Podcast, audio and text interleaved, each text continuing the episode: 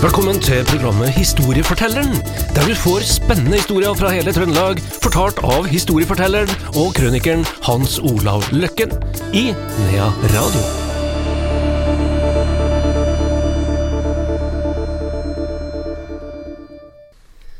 Velkommen tilbake til historiefortelleren her i Nea Radio. Velkommen til deg, Hans Olav Løkken. Jo, takk. takk. Eh, vi skal ja, ikke veldig langt tilbake i tida i dag, men eh, det skal handle litt om vår egen eh, barndom, kanskje? Ja, det skal det. Vi har jo prata en gang før om eh, noe som jeg kaller Husker du den gang?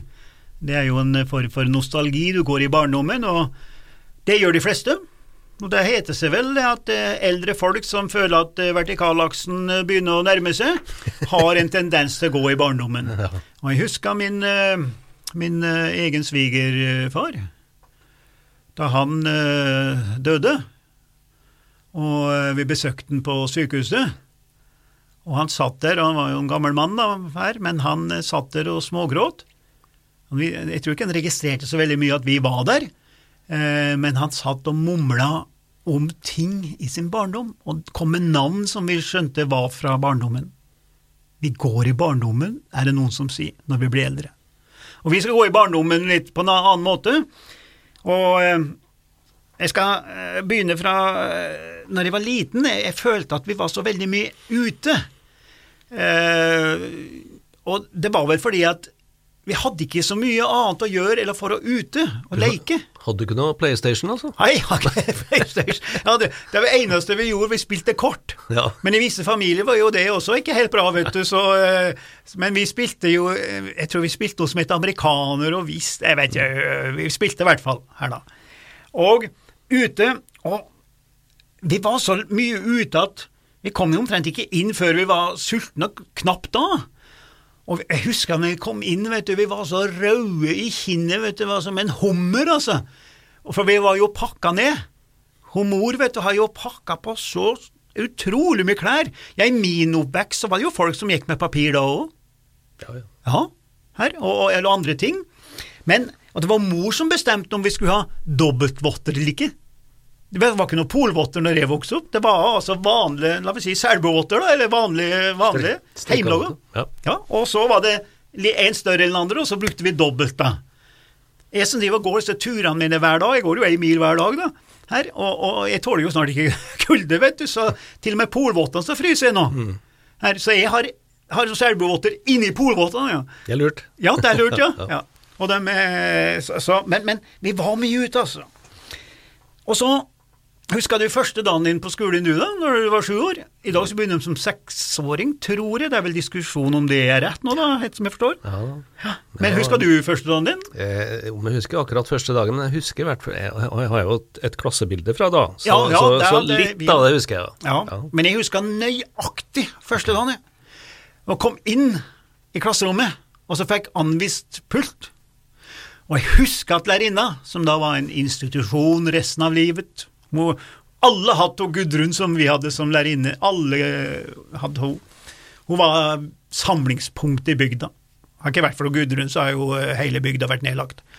Og, og da, var, da var lærerne en eh, kulturpersonlighet. hun behøvde ikke ha noe utdannelse og alt mulig, men det var dem som styrte bygda. Her. Og jeg husker hun tok oss i hånda, og så sa hun noe til alle sammen. Og Gudrun hun var ikke så mange og 20 år den gangen, husker jeg. Jeg, skjønte jo ikke jeg da, da. Hun var jo veldig voksen i forhold til meg, ikke sant, som da var sju år gammel. Så kom og sa noe til meg, og da hadde jeg sagt, og det her har jeg jo fått høre resten av livet, da, hadde jeg sagt at eh, nei, jeg har ikke tid til å være her, har jeg sagt til henne. For jeg skal hjem og kjøre inn fôr, det vil si kjøre inn høy, da, som dere sier. For det her er jo da akkurat når vi driver med Ja, ja. hesjing og skal inn igjen med fôret. Så jeg skulle være, være med på det. Og vi brukte jo hest. Så jeg skulle hjem og kjøre, og Tomman og fikk ri på hesten, vet du, og sånn satt oppå og sånn. Det var mer viktig enn skole, ja. Men det husker jeg, og det er blitt minnet på hele tiden nå, da. Og samtidig så fikk vi jo gå på vår første sjuårsfilm. Det var jo veldig sånne strenge grenser når jeg vokste opp. Og jeg husker første filmen din, jeg. Husker du første filmen din, Andreas? Nei. Men jeg gjør det. Og hvorfor husker jeg det? Jo, for jeg laga et forferdelig bråk. Altså, Og det var eneste gang at min far tok seg av sin sønn. Ja. Ja, da fikk jeg være med, da far tok med meg på kino. Ellers så bare jobba han. Jeg så han knapt, da bare jobba han. Det var liksom en mor som tok seg av alt med unger og sånn. Men da ble han med på kino, og filmen, kinoen, het uh, Hiawatha. En uh, indianerfilm. Og Jeg ble så redd. Fordi plutselig så ser disse indianerne med noe jæklig maling og noe eh, Ja, du vet jo hvordan indianerne ble fremstilt av Hollywood på den tiden. Jeg ble så redd. Jeg begynte å gråte, og så gikk gråten over til skrik. Så jeg øyla jo eh, hele forestillinga for alle i, i kinosalen, da. og og eh, som far måtte gå ut med meg. Og det husker jeg, for at vi gikk ut ei sidedør. Og nå skal jeg fortelle en ting til som ikke mange vet. Men der jeg vokste opp, på Domås, var kanskje Norges mest fantastiske, moderne kino utenom da sentrum av Oslo. For det var tyskerne som bygde den. Og de bygde med skrågulv ute på landsbygda. Plass til flere hundre. Med scene og enormt stor. Og den står der i dag i dag, og nå er den vel freda, tror jeg. Noe sånt da. Så vi, når jeg vokste opp, så var jeg veldig stolt av at jeg hadde kino med skrågulv. Det var lettere å så, se da enn en den bygdakinoen som får, for, rundt. Jo da, og så husker vi at eh, at vi stilte opp hvis kinoen begynte klokka seks, så var vi der klokka fire og sto i kø. Brukte det, Ja, ja. ja var, måtte være tidlig ute. Det var jo stor stas. Det var stor stas. Det, og det er det jo i og for seg litt nå òg. Kino er best på kino, eller film er best på kino. Absolutt. Ja. Så, eh, og så lørdagskvelden, da.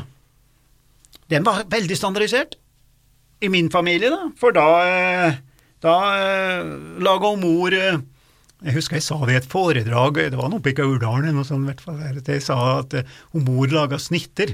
Men ved snitter har ikke noe i min dialekt å gjøre, vet du, det het brødskive. Ja. Kake, som noen sier. Her. Men da fikk jeg høre at eh, du, du har nok aldri spist noe snitter, du, oppe i Gudbrandsdalen. Det har du ikke. Nei. Men, eh, men hun laga da brødskive, da. Og kokte kakao.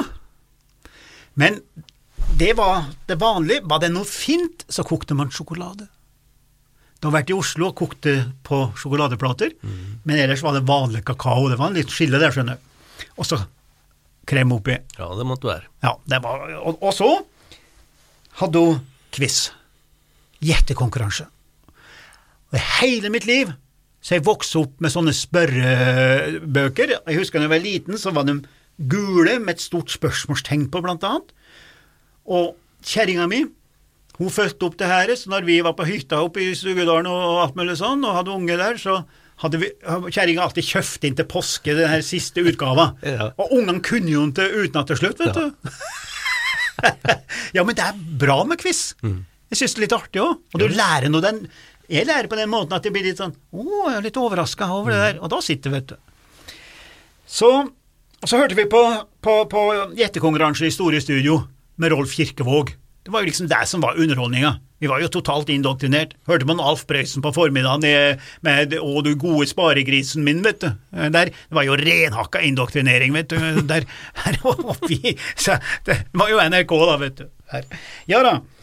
Så er det en ting som jeg, jeg husker jeg prata med det her for en par år siden om det. For du er, du er jo lærer og, og, og alt det der, men når jeg var liten, og Gudrun der da, og det her lærerinnene, de ga oss belønning når vi leverte noe sånn hjemmearbeid og sånn, og da fikk vi belønning i noe stempel med antall dyr. Vi kunne få velge oss en dyr, da. En elefant eller en løve eller noe sånt. Og hvis det var veldig bra gjort, da, skrev pent og sånn med fine bokstaver, så fikk vi tre stempel. Eller mindre pent, så fikk vi to.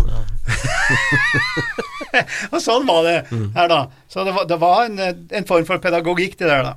Og i matfriminuttet Vi måtte sitte der, og det var ikke noe Cola og Kvikk Lunsj, altså. Fikk du skolemelk, da? Eh, nei, jeg tror vi hadde med hjemmefra. Kom hjemme. Ja. Ja. Det er noe som kom senere, den derre mjølkegreia mjølkegreia som lå der. Og, og eh, vi fikk jo aldri ha noe godteri eller noe sånt. Men jeg, jeg ser jo nå på Stjørdal når de går turen min, de går nå der med skolebrød og cola og, og, og sånn. Men det, nå må jeg jo innrømme at vi hadde det på gymnaset, da. For da var vi jo mye større. Og da sprang vi bort på samvirkelaget i store friminuttet, så vi var ikke noe likere vi eller, eller ungdommene i dag, altså, som da gjør det i dag.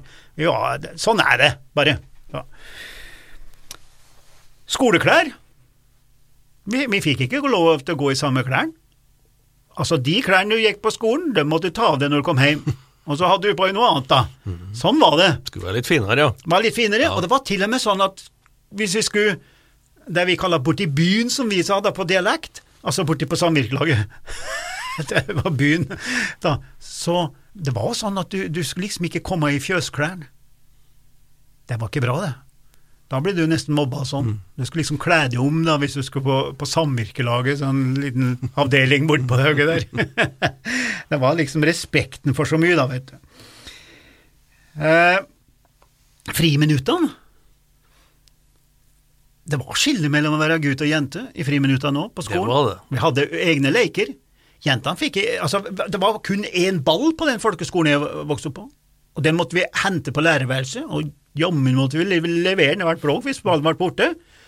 Og det var guttene som brukte ballen, og jentene hoppa paradis. Og, så, så du, du, var jo indoktrinert i et rollemønster fra, ja, fra begynnelsen til slutt, altså. Så hadde vi Det var liksom stas å være med i musikken når jeg var liten, for da fikk du uniform. Og vi hadde sånn uniform med gul, stri, gul uh, rand over sida. Og vi var på stevne, vet du, her. Og uh, jeg husker jeg ble så imponert over uh, Lillehammer, altså Søre Ål. Det er jo en stor krets på Lillehammer. Korpsstevne det Korps, der, altså. Ja, da var vi på, der nede, og Søre Ål hadde så fantastiske uniformer at de ble nesten sånn misunnelige på dem. De hadde sånn Donald Duck eh, med dusk i lua og nesten sånn uh, mat matrosdressen og sånn. Skilte seg veldig fra oss som hadde sånn jakke og sånn, da. Her. Men det betydde litt for oss, dette her, og, og det var da du begynte å se på jentene og, og, alt det her, da, vet du. Men jentene var ikke med, vet du. Å nei. Nei, de sto på fortauet, de. Altså, jentene fikk jo ikke være med, jentene var jo ikke med i, i guttemusikken. nei. Og det var guttemusikk du var med i? Ja, jeg vokste med guttemusikk. Hva spilte du, da? Ja, dessverre. Jeg spilte klarinett. Ja, det gjorde jeg òg. Ja, eh, S-klarinett og B-klarinett.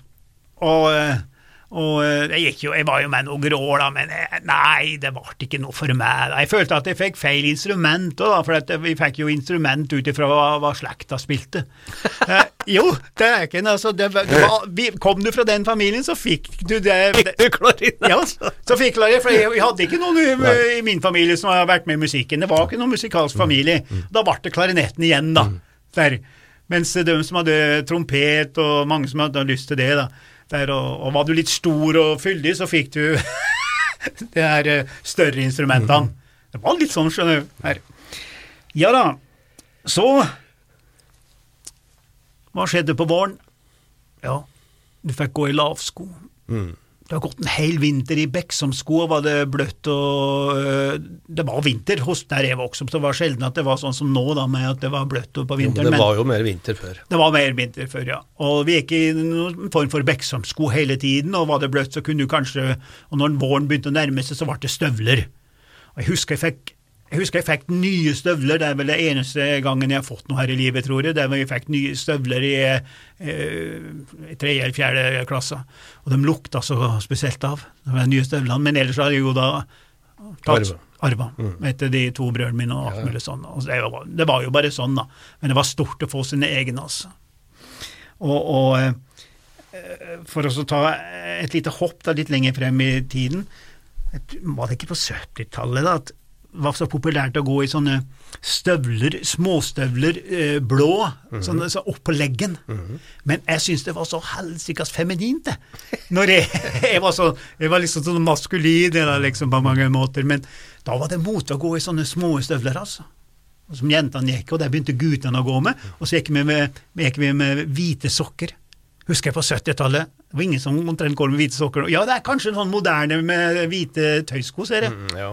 Her. Og det er kostbare sko, altså. er Her. Trøndere er jo beskyldt, han har sagt, for å gå Ja. kun med hvite sokker. Ja, ja, Hvite ja, ja, stemmer det.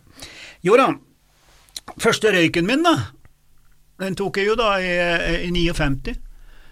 da, og da lurer jeg meg vekk fra guttemusikken, da, og bak kirka, og der eh, var det noen som var større enn oss, og så fikk jeg noe røyk fra noe som het Blue Master. Det hu- var et sånt hesthode på den der Ja, ja, ja. eh, pakka, vet du. Blå, blå pakke. Blå pakke med hestehode. Og jeg røykte jo, vet du, så jeg ble jo så sjuk, jeg kunne ikke være med i borgertoget om kvelden, vet Du du. ble blå, du òg. Da ble jeg virkelig blå og kasta vel opp og alt, og i dag så er jeg veldig takknemlig for at jeg ble sjuk den gangen, Ja. for jeg har jo aldri røykt da, her. Så eh, kanskje er det en metode å bruke det. Jo da, så ble jeg mobba jeg òg, vet du. Men jeg blir ikke krenket, jeg skjønner. Jeg er ikke av de mennesker som blir krenket. jeg. Du kan få lov til å si hva du vil om meg og min familie og alt sammen, jeg blir aldri krenket, altså. Det gjør jeg ikke. Men jeg, jeg ble jo mobba, for jeg var bondegutt. Og bonde var skjellsord når jeg vokste opp. Og det, de som spytta ut seg der, din jævlige bonde, det var jo da eh, unger og eh, jernbanefolk. For det Domås, der jeg vokste opp, er jo et jernbaneknutepunkt, så det er veldig mye lokfører og konduktører som bodde der, og bla, bla, bla. Og de hadde, de hadde finere hus med flate gulv og tapet og sånn, mens jeg kom fra noen rønner fra 1740-tallet, vet du, med, du så omtrent gjennom eh, tømmerveggen, og gulvene var eh, som eh, Holmenkollrennet og sånn, så jeg hadde jo, var så flau hvis det kom og å ta noen inn, men huset vårt fra 1749 er nok mer verdt enn alle de der eh, eh, arbeiderboligene oppe med jernbanestasjonen også. Helt sikkert. Men jeg skjønte jo ikke det da, ikke sant. Her. Så, så eh, Idrett, da. Det var da først jeg våkna, skjønner jeg. For jeg, jeg skjønte ikke liksom hva skole var for noe. Jeg skjønte ikke at skole var noe viktig. Og jeg hadde, jeg hadde jo ikke noen foreldre som brydde seg om, om noen ting og skole og sånn. Det var aldri noen som jeg hørte på at jeg gjorde leksa med, eller sjekka at jeg gjorde leksa, eller eh, Jeg var som overlatt til meg sjøl. Stakk til skogs og levde vel Jeg ville blitt henta av barnevernet hvis det hadde vært i dag, omtrent. altså. Ja, det hadde du helt sikkert. Ja, det, for det var i hvert fall ikke noe sånn det var ikke noe møte og foreldremøte. Du var overlatt deg sjøl og måtte klare deg sjøl. Men så kom idretten, vet du. Og så Du blir jo løper, du. Jeg ble løper, og så har du talent, vet du. Du vet ikke at du har talent. Alle mennesker som hører på her nå, har et eller annet talent. Det er bare å finne det. Jeg har tenkt på meg sjøl, jeg skulle vært sjakkspiller, for jeg er jo jæklig god på akkurat sånne ting, men jeg tør ikke, for jeg kan jo få beskjed om at jeg ikke klarer det. men, eh, men det var det som redda meg på mange måter. For plutselig så ble jeg valgt som nummer én. Du skulle velge, vet du, læreren skulle dele klassa i to lag.